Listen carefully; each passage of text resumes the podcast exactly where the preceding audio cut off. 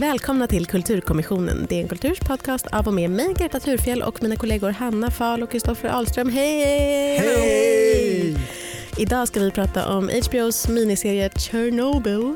Vad, eh, vad vill du prata om när du vill prata om Chernobyl, Kristoffer? Eh, då vill jag inleda med snyftstoryn om hur jag var sängliggande på sjukhus i två månader med brutet ben som sexåring samtidigt som två av ja, Folkhem-Sveriges absolut största trauman inträffade och hur det drabbade mig som liten pojk.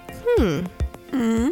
Jag tänkte också prata lite om hur eh, Tjernobyl påverkade inte bara sjuåriga eh, mig utan även hela min uppväxt och kanske även vuxna liv. Det finns nog ingen annan händelse som har påverkat mig så mycket tror jag. Jösses.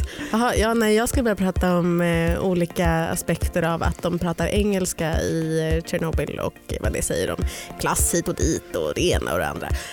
Um, som vanligt så vill jag också säga att eh, man får passa sig om man inte har sett Tjernobyl Eller vet hur det förhand. gick med Om man kärnkraften. inte vill få kärnkraftsolyckan i eh, Tjernobyl spoilad så kan man eh, se serien först.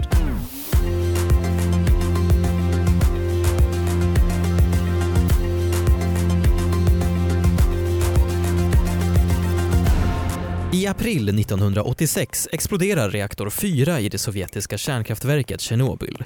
Statsmannen Boris Tjerbina och kärnfysikern Valerij Legasov får i uppdrag att sköta omhändertagandet av katastrofen. Till sin hjälp har de Ulana Chomjuk som reser för att träffa de överlevande från kärnkraftverket. Miniserien Tjernobyl i fem delar är skapad av Craig Mazin och regisserad av svenska Johan Renck.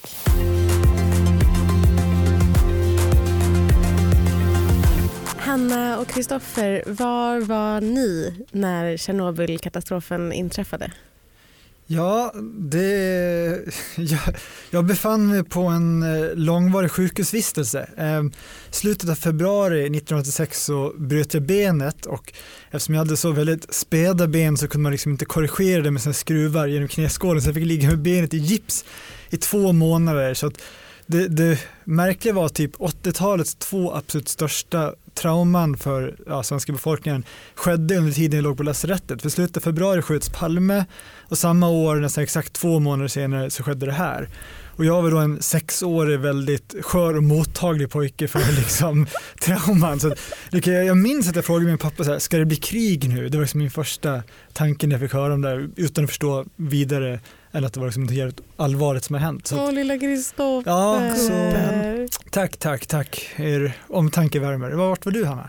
Jag minns inte, jag minns var när Palme eh, mördades men jag minns inte den exakta liksom, När du fick dagen höra om, Tjernobyl.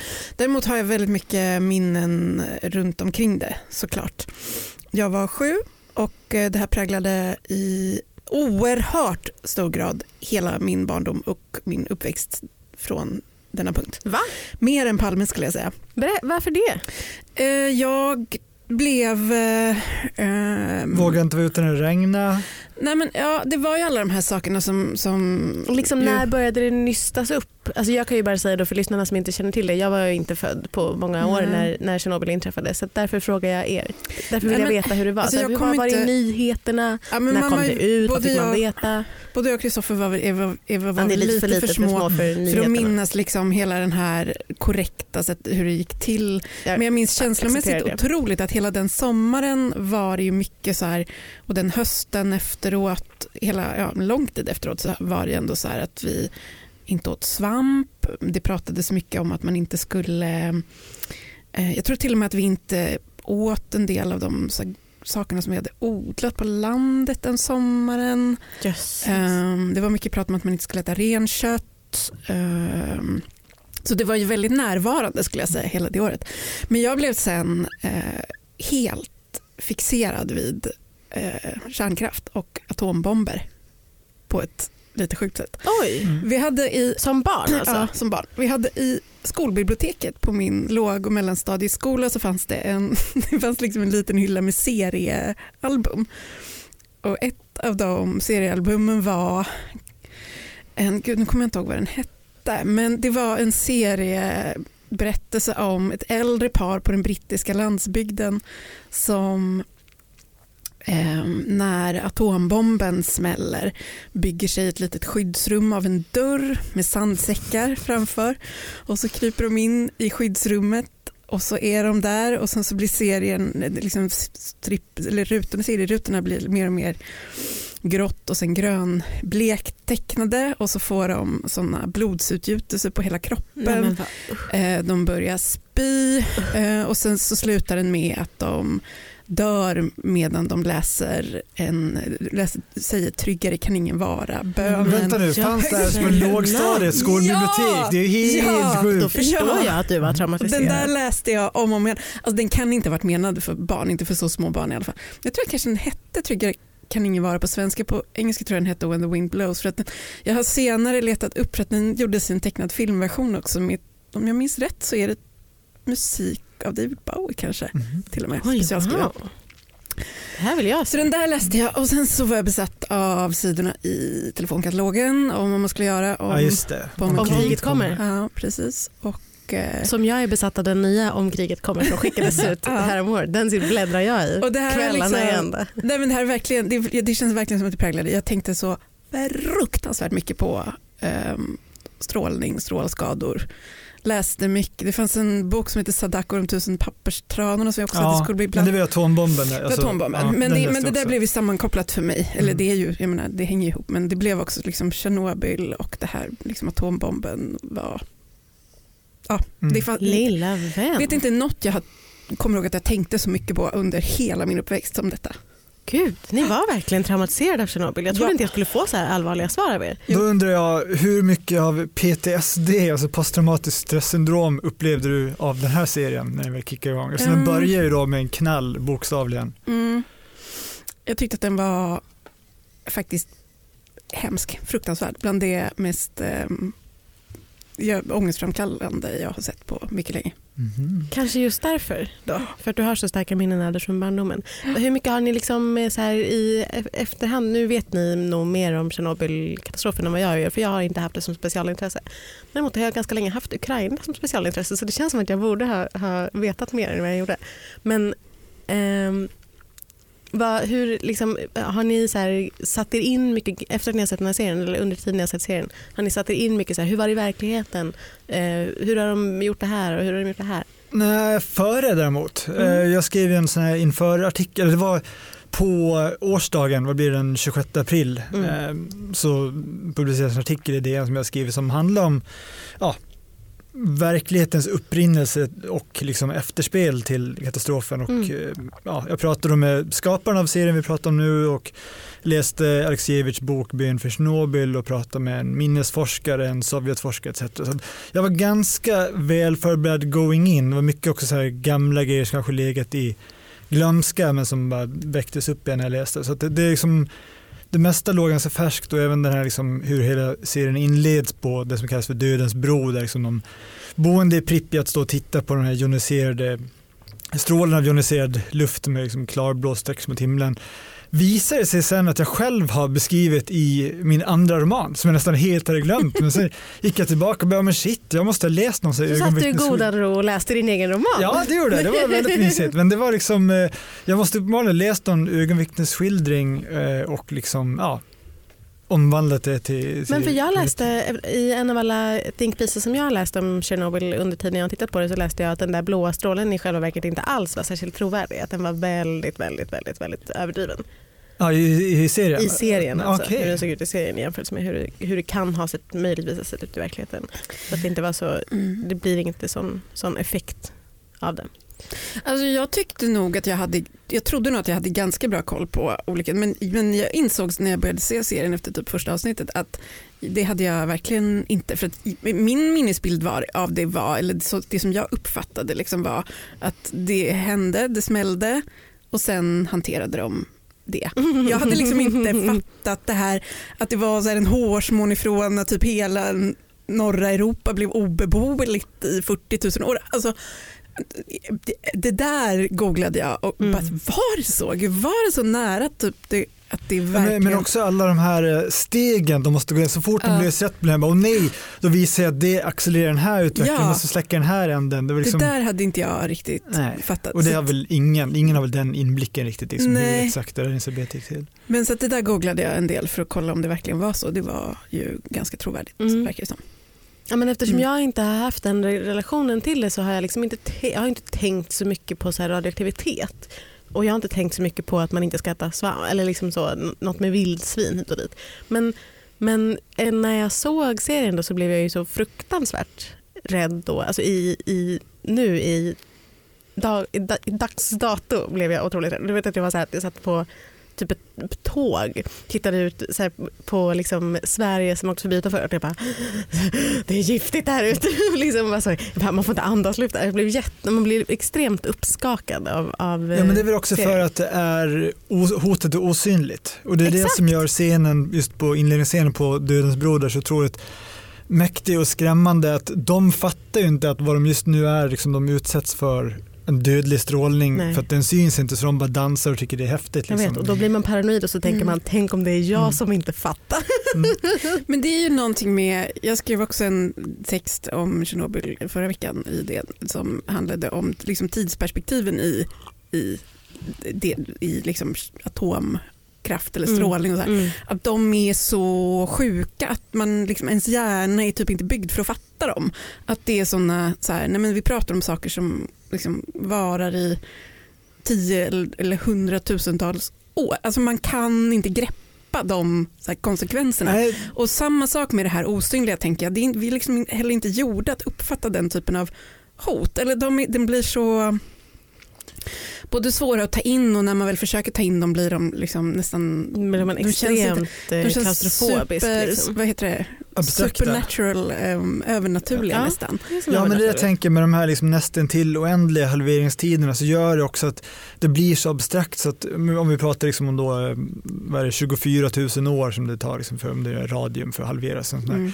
Mm. Eh, och då blir det liksom känns det inte så påtagligt för att det är, liksom så här, det är flera generationers eh, livsåldrar ska passera. Däremot när de i slutet av serien liksom i de här liksom, vad hände sen montaget visar hur liksom den här senaste stålsarkofagen som då kapslar in eh, reaktorn att den kommer att vittra sönder om hundra år och då tänker man Mm. fan det är inte så jävla länge till och vad gör man då? Ska man bygga liksom ett tredje skal utanpå det här och vad kommer det få för konsekvenser, om det inte går eller om det sker tidigare än så? Liksom, när någonting blir mycket närmare inpå tyckte jag det fick gav mig ångestpåslag.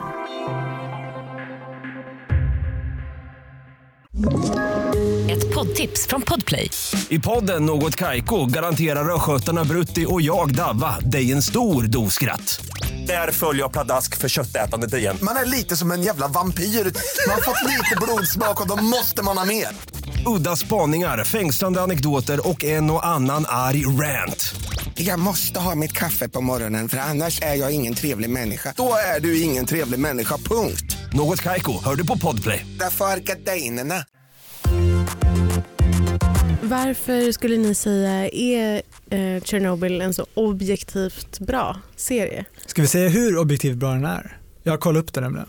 Det, jag har mätt Du siffror kollat på, på, Rotten Tomatoes? Eller? Nej, eh, IMDB, där liksom tittarna själva får ranka, så multiplicerar man ju betygsvärdet med hur många eh, som har liksom röstat satt betyg. Och, eh, med 111 000 röster och ett snittbetyg på 9,7 så är det faktiskt det här den högst rankade tv-serien någonsin. Det är den objektivt bästa Ja, tv-serien någonsin. Det, och det är liksom, de där siffrorna brukar droppa sen liksom efter Ja. att de första fansen har, liksom, men nu är den ändå uppe i, och den, den hade tittning motsvarande Sharp Objects för HBO, vilket, vilket ändå är okej för Mm. liksom en, en sån här tv-serie får man säga. Nej, så det, den är objektivt bra, vi ska bara konstatera det först. Alltså tänkte jag kan ju också säga att jag ser också att det är en objektivt bra tv-serie. Jag, det är inte riktigt en tv-serie för mig så kan man säga. Men, men jag, se, jag ser va, att varje ruta är eh, objektivt snygg, att skådespeleriet är objektivt bra. Man kan ha in vissa invändningar mot det lite så eh, klumpiga manuset men, men liksom skådespelarna och regin det är ju liksom det är bra. Ja, enkelt. fotot, otroligt. Otroligt foto, eh, scenerierna, allting. Är. Men, men, men vad, Men, vad är Men det alltså, den kräver ju att man, betra- att man tycker att själva det, det historiska förloppet och själva olyckan är värt är liksom intressant som huvudperson. För det är ju inte som att det här är en, absolut det finns ju liksom människor här, man får ju följa Mm. människor naturligtvis och de har väl gjort sitt halvhjärtade till bästa eh, för att liksom introducera eh, rollfigurer som man ska kunna knyta an till. Ja, Men jag tror absolut det att de har gjort inte sitt en- bästa. men, Jo, men det är ju inte, det är ju inte en serie som bygger på liksom, att man ska identifiera sig med karaktärerna. Nej. Utan det är ju en serie, det, är ju en, alltså, det kräver ju att man tycker att själva olyckan är så intressant att man Och jag älskar en tv-serie där man kan identifiera sig med karaktärerna. Jag kan Ja. inte känna igen mig i Legasov, jag kan inte känna igen mig i Sherbina, Homjuk, jag vet inte. Jag, Nej, men när vi pratade om eh, Wandering Earth så var det så här, bara, ah, det är så tråkigt med ett kollektiv som räddar jorden. Man Mm. vill liksom ha tydliga karaktärer att följa och det är väl i någon mån här, men framförallt så är det liksom och det är ju upphovsmakaren Craig Mason sagt också att det är liksom en berättelse om alla människor som offrade sig själva och liksom ja, ställde upp, gjorde sin plikt Mm. för att hela världen inte skulle drabbas av det här. Det vill säga en kollektiv insats. mm.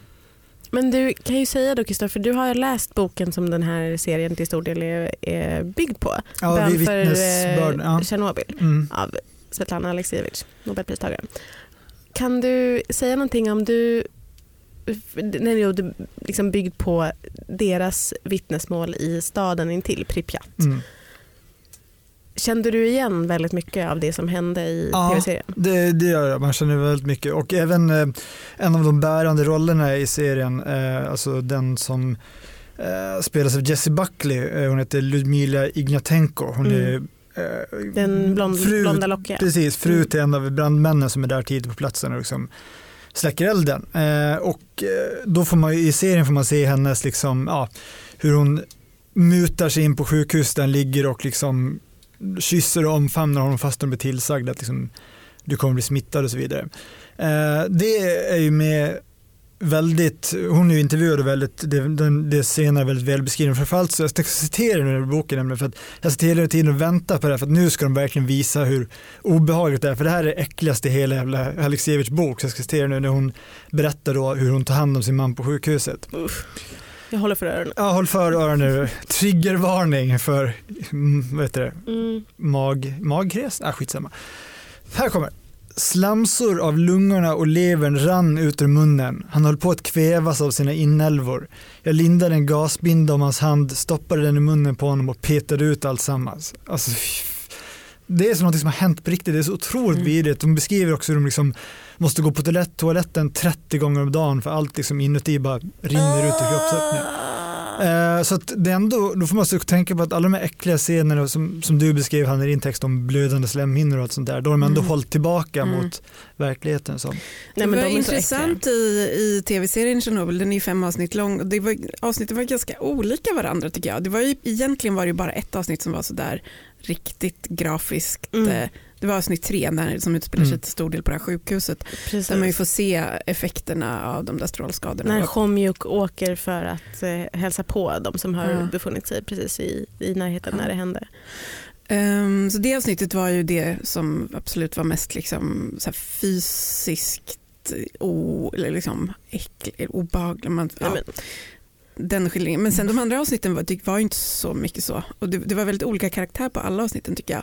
Avsnitt fyra till exempel utspelar sig till stor del, det var liksom en bihistoria om hur de Fares Fares rollfigur åker runt ihop med en ung ny färsk, färsking och ska skjuta hundar till exempel. Och sista avsnittet var ju ännu mer apart på det sättet. Det var ju nästan mer som en så här rättegångsdrama. eller vad man ska säga. verkligen. Så den var ju ganska speciellt uppbyggd serien tänker Mm. jag. Och heller inte, inbjuder inte riktigt till det här att man ska jag vet inte, identifiera sig med rollfigurerna och vilja veta vad som Men jag händer. det var så- Den har ju andra kvaliteter. Det var otroligt snyggt dramaturgiskt att den liksom, serien börjar då liksom olyckan precis skett Mm. och sen inleder man det sista avsnittet med liksom efter man har skildrat liksom efterspelet så inleder, backar man tillbaka och skildrar liksom upptakten till olyckan vilket gör den scenen ännu mer obehaglig när man vet Mm. exakt vad konsekvenserna blir och man sitter ändå och hoppas här, bara, Åh, men nu när de drar ut bränsleslavarna kanske det stannar ändå. Det kanske löser sig ändå. Lite som att Titanic sjunker inte. Om man bara ser Titanic en gång till. Det sista avsnittet var ju nästan som en så pedagogisk föreläsning där man fick lära sig vad det egentligen var som gick snett. Alltså, Mm. Komplett med eh, att eh, Legasov typ eh, sätter upp små skyltar på någon så stativ i den här Ja, en liten miniatyrmodell av kraftverket. Jag tänkte väldigt mycket på hur de hade liksom, eh, skapat de här skyltarna. Och, att det var så att, att Sovjet bara kunde få fram de här skyltarna som var så här, på den här skylten ska det stå vatten. På den här skylten ska det stå... Man är jättenyfiken på hur han fick fram dem. Men det, jag tyckte också att det helt oväntat funkade väldigt bra det greppet och jag kände mig också, jag kände att jag var på riktigt allvarligt intresserad av att få veta hur Ja, men hela den eh, genomgången han liksom Ja. väger plus och minus och hur liksom balansen rubbas var ju det var ju som en thriller Mm. att liksom hänga med i det trots att det är liksom som en ja, fysiklektion i skolan. Mm, det var jätteskönt. Det var så oväntat att han eh, visade sig vara inte bara en eh, otrolig talare inför publiken i, i rättegångssalen utan också en jättebra lärare. Mm. så att man bara wow, till och med jag förstår det här. En Men- sak som förresten som jag kommer att tänka på nu som ju också framkommer då i de här rättegångsscenerna att ja, till makten står och förtret så, så eh, riktar då eh, läggas av kritik mot liksom, eh, Sovjet och sovjetiska systemet att Mm. det är liksom själva rutan i, i det som har orsakat allt det här att man liksom tar genvägar, man är pressad uppifrån, man vill bara bevisa sig eh, och så vidare. Eh, och lustigt nog när jag, när jag skrev den här artikeln så upptäckte jag att 2006 så publicerade DN en, en, en ledartext av Mikhail Gorbatjov översatt av Peter Wolodarski där han uttryckligen säger liksom att ja, jag upplevde som att det fanns en tid före och efter Tjernobyl och det var liksom upprinnelsen till Sovjets upplösning. Och det är ju det som är citerat. Ja, jag vet. Det är, det, nu kan det vara så att den här texten kanske publicerade i massa internationella Nej, men det, nej, jag tror inte att det är så. Jag tror att det är så att Johan Renck, ja han är svensk, han har läst DN. Han bara, "Fan, jag kommer ihåg att DN skrev någonting. Men vad tycker ni? Jag har, känner inte att jag riktigt har eh, kompetens att bedöma hur Rysslands skildringen var här egentligen. Men många har ju hyllat den här serien för att den liksom har fångat Mm. 80-talets ryska samhälle Mm. på ett otroligt liksom, träffsäkert Jag tycker det är underbart Sätt. att vara i Sovjet. Alltså, to- tolka mig inte fel här nu, men, men jag eh, är väldigt förtjust i den typen av öst, eh, Sovjet, eh, östblocket eh, från den tiden. Ja, jag var ju väldigt orolig för att i början känns det verkligen som att hela serien bara ska bli en enda lång parad av det som kallas för ostalgi, det är väl det du pratar om, Mm. liksom gamla östblocket Mm. eh. Mm. Eh, och Jag var inte orolig. men istället så bara Mer. blir jag helt Mer. golvad av vilket jävla rekvisitajobb alltså. Ja. Och det är ju någon som har konstaterat också, till och med hinkarna de använder för att Ja, när de nu forslar bort bråte är liksom sådana från den tiden att liksom detaljrikedomen är så enormt träffsäker. Mm. Alltså den är ju visuellt helt, liksom, man vill bara äta upp den, åtminstone om man tilltalas av den här typen av liksom, öst- Grå, östestetik. daskig, Ja. grön, eh, skimrande. Men- liksom. Ja. För jag har nästan bara läst hyllningar den här men jag läste i morse eh, Marsha Gessen hade skrivit i New Yorker. Menar du den flitigt förekommande DN-medarbetaren? Martin flitigt förekommande DN-medarbetare Marsha Gessen Kul, är det här en. DN-podd eller? och eh, var liksom kritisk till hur man skildrade, inte liksom de här rent så här, hur det såg ut och liksom skildringen av det vanliga livet egentligen, eller liksom detaljerna, utan snarare ja, men hon var kritisk till hur man skildrade de mellanmänskliga mekanismerna i 80-talets Sovjet och liksom vad, hur det tog sig uttryck. Liksom, ehm, Jo men hon skriver att i serien så är det många som blir hotade med arkebusering om de inte utför sin Ja. uppdrag. Men i själva verket var sovjetiska folket redan så kuvade och trimmade i att lyda överheten att man bara gjorde det utan att liksom reflektera och tänka efter. ja, men. Medan här är alla hela tiden kritiska och ifrågasätter och förstår inte varför saker och ting görs. Men i själva verket så gjorde man Nej det. precis, men väldigt hjältemodiga där i kontrollrummet och särskilt då får man ju se väldigt mycket i sista avsnittet när flera av dem som jobbar under Diatlov Mm. Han som är superskurken eller vad man ska säga. Han eh, ger jättemånga order och de nästan varje gång säger så här nej, nej, Mm. inte det. Och det tänker man ju eh, att det kanske, det kanske var så för att det är en sån extrem situation. Att så här, det, det kanske är det det ska visa på. Då, att så här, till och med dem. Men jag tänker också på seriens absolut snyggaste scen som är liksom när kol och energiminister är hans titel. Han ska rekrytera gruvarbetare som ska gräva tunnel ner under Mm. kraftverket. Och då är det också så här, de är otroligt upproriska mot liksom, ja, apparatchiken. Mm. Och liksom, men den absolut snygga scenen är ju då när alla går förbi en och daskar till honom med sina kolsmutsiga händer så han får liksom svarta handavtryck överallt. Det är verkligen så här symboliskt på något sätt att nu bär du också skulden. Kände jag, liksom. Jag tyckte den var övertydlig. Mm, Nej, jag tror det var otroligt snyggt. Ja, det var, ja, det, nej, jag tyckte om den också. Men det var en scen i sista avsnittet som jag tyckte blev lite så här parodisk nästan. Och det var den scenen där eh, Legasov och Sherbina som ju då är den här eh, apparatchik eh, Mm. mannen som ska städa upp och Legasov som är vetenskapsmannen. De sitter liksom, det är en scen när de sitter utomhus typ på en parkbänk eller någonting och så sitter de och pratar med varandra och båda har insett att de typ kommer att dö av sina strålskador så småningom men i alla fall så sitter de och bara ja men du var ju den riktiga hjälten här. Nej du var hjälten. Nej, du var hjälten.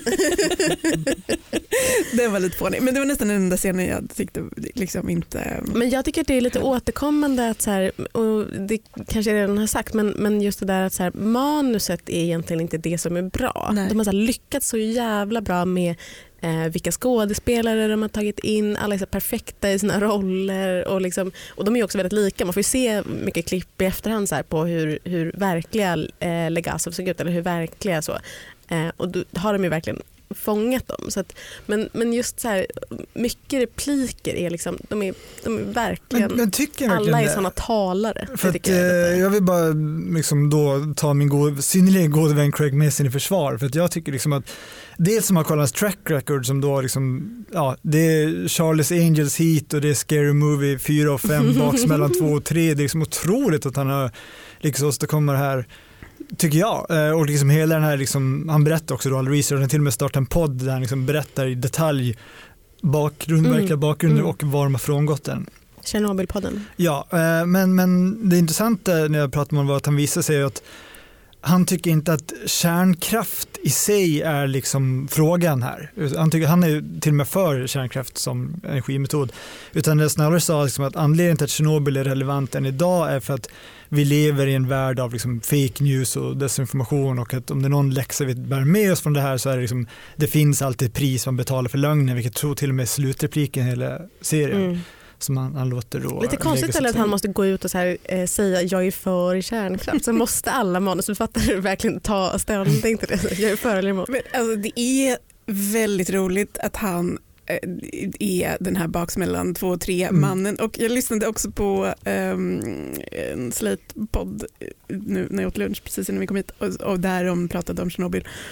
Eh, och vi här i Sverige är ju ändå van, vi har ändå så här långsamt vant oss vid tanken på att Johan Renck är liksom en, en kulturskapare som gör regisserar Mm, musikvideor mm, och filmer. mm. Så att, men där var det någon av dem som deltog i samtalet som bara, och vet ni, jag fick precis veta att Johan Renck är Stakka Bo, the man behind the one 90s one hit wonder, here we go again. Och de tyckte att det var så jävla roligt. Ja, men det är Det lite... är jävligt roligt. Det är roligt, men det är framförallt Det är att det är lite roligt. oväntat att det är så extremt, extremt så här, det mest prestige television man Ja. någonsin har sett är den duon. Ja, men det är också, ni får inte glömma att Here We Go Again var en otroligt konsumtionskritisk låt. Here We Go Again to the Temple of Consumption. Ja, det är en, alltså, absolut en eh, fantastisk eh, singel. Mm. Men det är någonting som är så kul med det och också som de kanske drog lite lo- väl långt dragna slu, liksom, ehm, slutsatser av. Så här, bara, ah, nej, men det visar ännu mer typ att precis som serien eh, säger att eh, man aldrig liksom, kan vara säker på, man vet aldrig vad en människa kan åstadkomma. När, Look at you now Johan Renck. Men vi har ju också Johan Renck att och, eh, tacka för att det är så väldigt många svenska skådespelare med i den här eh, serien, antar jag, utgår ifrån. Stellan Skarsgård är med, Fares Fares är med, Men, Fler som är med, Adam det finns- Lundgren är med i en liten, liten roll. Ja, jag tyckte jag kände igen Ja. David Dencik. David Men, Dencik men det förstås, finns ett problem tycker jag med när han blandar in de svenska korten i leken. För att det är ju på många sätt, de gjorde samarbete med Sky så det är en urbrittisk produktion där Mm. alla pratar teater, brittisk Ja. eh, dialekt. Eh, och sen kommer Stellan Skarsgård in på sin ruffiga amerikanska accent vilket blir jätteförvirrande. Jag vet, och en ruffig amerikanska som han tror jag har ändå försökt eh, brittisera lite grann. Ja, vet, för att jag intervjuade Fares Fares härom år, förra Ja, året och då höll han på, då skulle han precis, det var förra våren, då skulle han precis liksom iväg och spela in den här. Och då pratade han, för han berättade om det i samband med att han hade fått någon så här dialekt, ny dialektcoach som skulle coacha honom till en viss typ av brittisk engelska. Och det blir ännu mer obegripligt nu, för att, varför ska de ens, varför jag, jag kan inte fatta varför de var tvungna att ha en dialektcoach. Kunde ni inte bara köra? Det är ju De något, pratar så olika det är, ändå. precis, allihop. det är något konstigt med att, eh, att det är en serie som utspelar sig till stora delar i Ukraina och lite i Vitryssland och lite i Moskva som där alla pratar eh, eh, inte bara engelska utan då är som du säger Kristoffer oftast extremt extremt extremt Ja, brittisk utom. Stellan Skarsgård som inte fick någon Mm. dialektcoach då. Eller? Han, han tackar nej. Han sa jag ska inte ha någon jävla dialektcoach. Nej men jag menar, vad, vad tycker ni? Tycker ni att det är man kan väl anta att det hade blivit en ganska, ganska annorlunda serie om det hade varit ryska skådespelare och en rysk produktion. Men Mm. tycker ni att det liksom tillför någonting eller tycker ni att det tar en ur stämningen att alla pratar engelska? Har ni Nej, sett jag The Americans? Ja. Ja, Har, har ni sett när de pratar ryska i The Americans, de amerikanska spelarna? Mm. Först, det är så lustigt för att i början när de gör det så har de ju uppenbarligen dubbat Ja. dem, vilket ser, syns och ser för jävligt ut. Och sen märker man att de har försökt att få dem att prata ryska och man hör bara amerikanska amerikanska bruset uttryck, rakt ja. igenom. Så att, nej, jag tycker faktiskt inte att det stör. Men eh, jag såg ju, var det somras eller förra sommaren, jag såg BBCs eh, version av eh, Krig och fred, Tolstoj, Mm, mm. Eh, där också bara liksom är ren och skär eh, teaterengelska och det Alltså, funkar ju. Så mycket hellre det än att de ska försöka ha någon så här bryt, ry, fake rysk Ja. brytning. Verkligen, men eh, Emily Watson har ju det som, som Ja, visst har de det. Det Komjuk. Ja, Hon lägger sig till med någon liten det är märkligt också att de hon inte har fått någon karaktär. enhetlig eh, regi utan ja att de det bara är är lite märkligt faktiskt. tänkte jag Men, men det jag tycker var bra med det är å andra sidan att det blev väldigt tydligt när eh, så här, klasskillnaderna i liksom, samhället här kring blir väldigt, väldigt tydliga beroende på så här, hur de pratar. Man vet till exempel att Legasov då, han pratar så här fin, väldigt skolad brittisk engelska och sen så kommer de ner till ja, den här scenen som ni pratade om med kolarbetarna eller gruvarbetarna. Då pratar de liksom, Cockney. Exakt, ja precis. De gör ju det. Och då blir det, men det, är så det, det är liksom någonting som man inte hade kanske, det hade man inte uppfattat om, man, om serien var på ryska. Så att liksom det finns ändå någon sorts här eh, skillnad i det som gör att man som någorlunda engelsktalande ändå hänger med Mm. lite grann.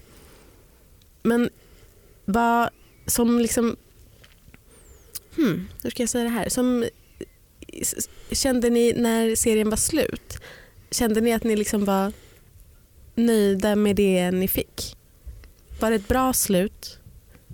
Mm. Ja, det var ett bra slut. Däremot det? undrar jag om det var så enkelt som att de beskriver efter texterna efter Legasovs självmord att då gick det inte att blunda längre. Det känns snarare som att då vore det ännu enklare att bara sopa under mattan. Det är så här, ja, han tog livet av sig för att han var liksom psykiskt sjuk och därför han inte tillförlitlig eller någonting sånt där. Det kändes liksom som nästan som en deus ex machina det där. Men å andra sidan är det baserat på verkliga händelser så det kanske var absolut så. Ja.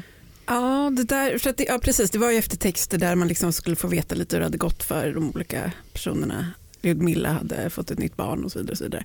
Eh, jag håller med om att det där var lite oklart. Vad då hans vittnesmål spreds till hela forskarvärlden och sen var allt det var lite, det var lite vagt. Men jo, jag tyckte nog att, för jag, var, jag undrade hur de skulle knyta ihop det och få det att kännas tillfredsställande just för att det inte är en berätt, det var liksom, liksom inte en story som har ett slut på det sättet. Mm, men jag tyckte att det var förvånansvärt effektivt med den här lilla lektionen man fick i sista avsnittet och att det var ändå tillfredsställande att man gick därifrån med en känsla av um, att, men jag vet inte, att ha förstått den här händelsen som har präglat hela liksom, samtiden så otroligt mycket på ett lite djupare plan. Ja, jag och Grete pratade om det också, greppet precis med Black Clansman, att gå från en fiktionaliserad eh, Mm. händelse sen liksom Visa klippa rakt över i, ja precis, och även liksom vad de faktiska konsekvenserna blir. Jag tyckte att det var jävligt starkt. Det var första gången som jag fick ångest under hela serien var liksom verkligen när man skarvade över i verkligheten. Man fick se att, för innan är det liksom som en klassisk katastroffilm, att det är liksom problemlösning på problemlösning, det är spännande, det är kamp mot tiden och sen bara, ja, kom braka verkligheten in i allt det där. Det har blivit dags för mig att be er att ta fram era bästa meningar och det säger jag trots att jag vet på förhand att alla meningar som vi har med oss den här veckan, alltså den eh, roligaste eller smartaste eller vad det nu kan vara, mening som vi har läst och hittat i veckan, har ett eh, gemensamt tema, nämligen eh, relationer. Kristoffer, du kanske vill börja? Vad, vad spännande. Mm. Eh, också ett tämligen brett tema för att säga. eh, ja, Relationspodden eh, Kulturkommissionen. min mening är en rubrik från brittiska tidningen The Guardian. Eh, den, det är inte den här veckan men det är inom en vecka så de senaste sju dagarna har det publicerats. Så om någon känner igen dessa tider så ber jag om ursäkt. Men den lyder i alla fall Moby cancels book tour after Natalie Portman denies they dated det blir lite amerikansk accent där, men sak samma. Eh, för den som inte hängt med så är det Moby, chill-out-artisten som var stor tidigt 00-tal. Jag har släppt en självbiografi där han bland annat påstår att han och Natalie Portman dejtar, dejtade men att hon då tillbakavisar med rykten om att han var bara en typ 20 år äldre gubbe som glodde äckligt på mig när jag var 18 år gammal. Eh, så efter det så har han, eh, han har inte tagit tillbaka påståendet om att dejta men han har sagt att I completely respect Natalie's possibly regret in dating me. To be fair I would probably regret dating me too. Eh, och så nu har han då ställt in alla sina framträdanden på liksom, ja, uppläsningsturnén för sin självbiografi för att det här blir så pinsamt. Och det kan man också koppla då till eh, redan klassiska klippet som har vandrat runt nu från en radioshow där Naomi Wolf är för att plugga sin nya bok och det visar sig att hela tesen som boken är byggd på har hon missförstått vilket hon får förklarat för sig av programledaren. Otroligt smärtsamt ögonblick. Så det är två samtidiga exempel på liksom bokturnéer som kraschar och brinner. Det är jätte, jättesorgligt, hemskt. Eh, det där, ehm, ja fy fan, Mm. göra bort sig sådär. Ehm, jag har med mig en eh, rubrik från, en, eh, från Slates eh, sexspalt. Den lyder så här. Is my wife a feminist testing me when she asks to be dominated in bed? Jag läste den och skrattade så mycket. Jag tycker så, tycker så synd om killar. Det är liksom allt jag, liksom allt jag känner. Jag tycker så synd om, så svårt för killar idag. det är så himla hjärtskärande att han så här, o, går runt och oroar sig över det. Och så här, är, jag en, är jag en god man? Det är som att han, sen läste jag ju hela och det var liksom en, en lång fråga och ett långt svar. Så här, lite hånfullt svar. Men det var, det var så liksom Eh, Ja, det var bara det. Jag vill hälsa till alla killar där ute. Jag vet att ni inte har det lätt. Nej, Hanna, vad har det du med är gråzoner. Alltså. Eh, nej men jag blev så eh, knäckt när jag skulle lägga in, klistra in min mening i vårt gemensamma dokument. För att jag, har nästa, jag, har, jag har också en, Du har också läst Slays frågespalt. jag har också läst Slates frågespalter. Eh, jag har Jag också älskar en, Slays frågespalter. Ja! Alltså det är det bästa. Nej men det är därför. Jag vill att vi ska börja ha mycket fler Ja. frågespalter Men är det, det. är det är Dear från- Prudy, är det de nu? Min är från Dear Prudy Ja. som ju nu görs av eh, Daniel Ortberg. Ehm, och det här är rubriken Help, my boyfriend thinks I'm the reincarnation of an evil witch. som också var bokstavligen någon vars pojkvän har typ fått en lätt psykos och tror att hon är ondskan inkarnerad. Hur ska jag göra? Killar har det inte lätt. Nej, ni har det verkligen inte lätt. Eh. Och så, oh, läskigt att gå runt och, och vara orolig och rädd hela tiden. Få en förbannelse kastad på sig man gör fel. Ja. förbannelse, bli metooad. Det- Fan, det är Men tuffa tider. Men, ja, nej, men jag älskar inte bara Slates eh, Dear Prudy-spalt utan alla frågespalter. Jag läser väldigt mycket frågespalter och så att det här var mest ett tillfälle att få uppmärksamma att frågespalter är underbara. Eh, Vi kanske ska starta en frågespalt på DN Kultur.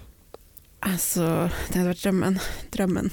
Vad, vad skulle den vara tror ni? Mm.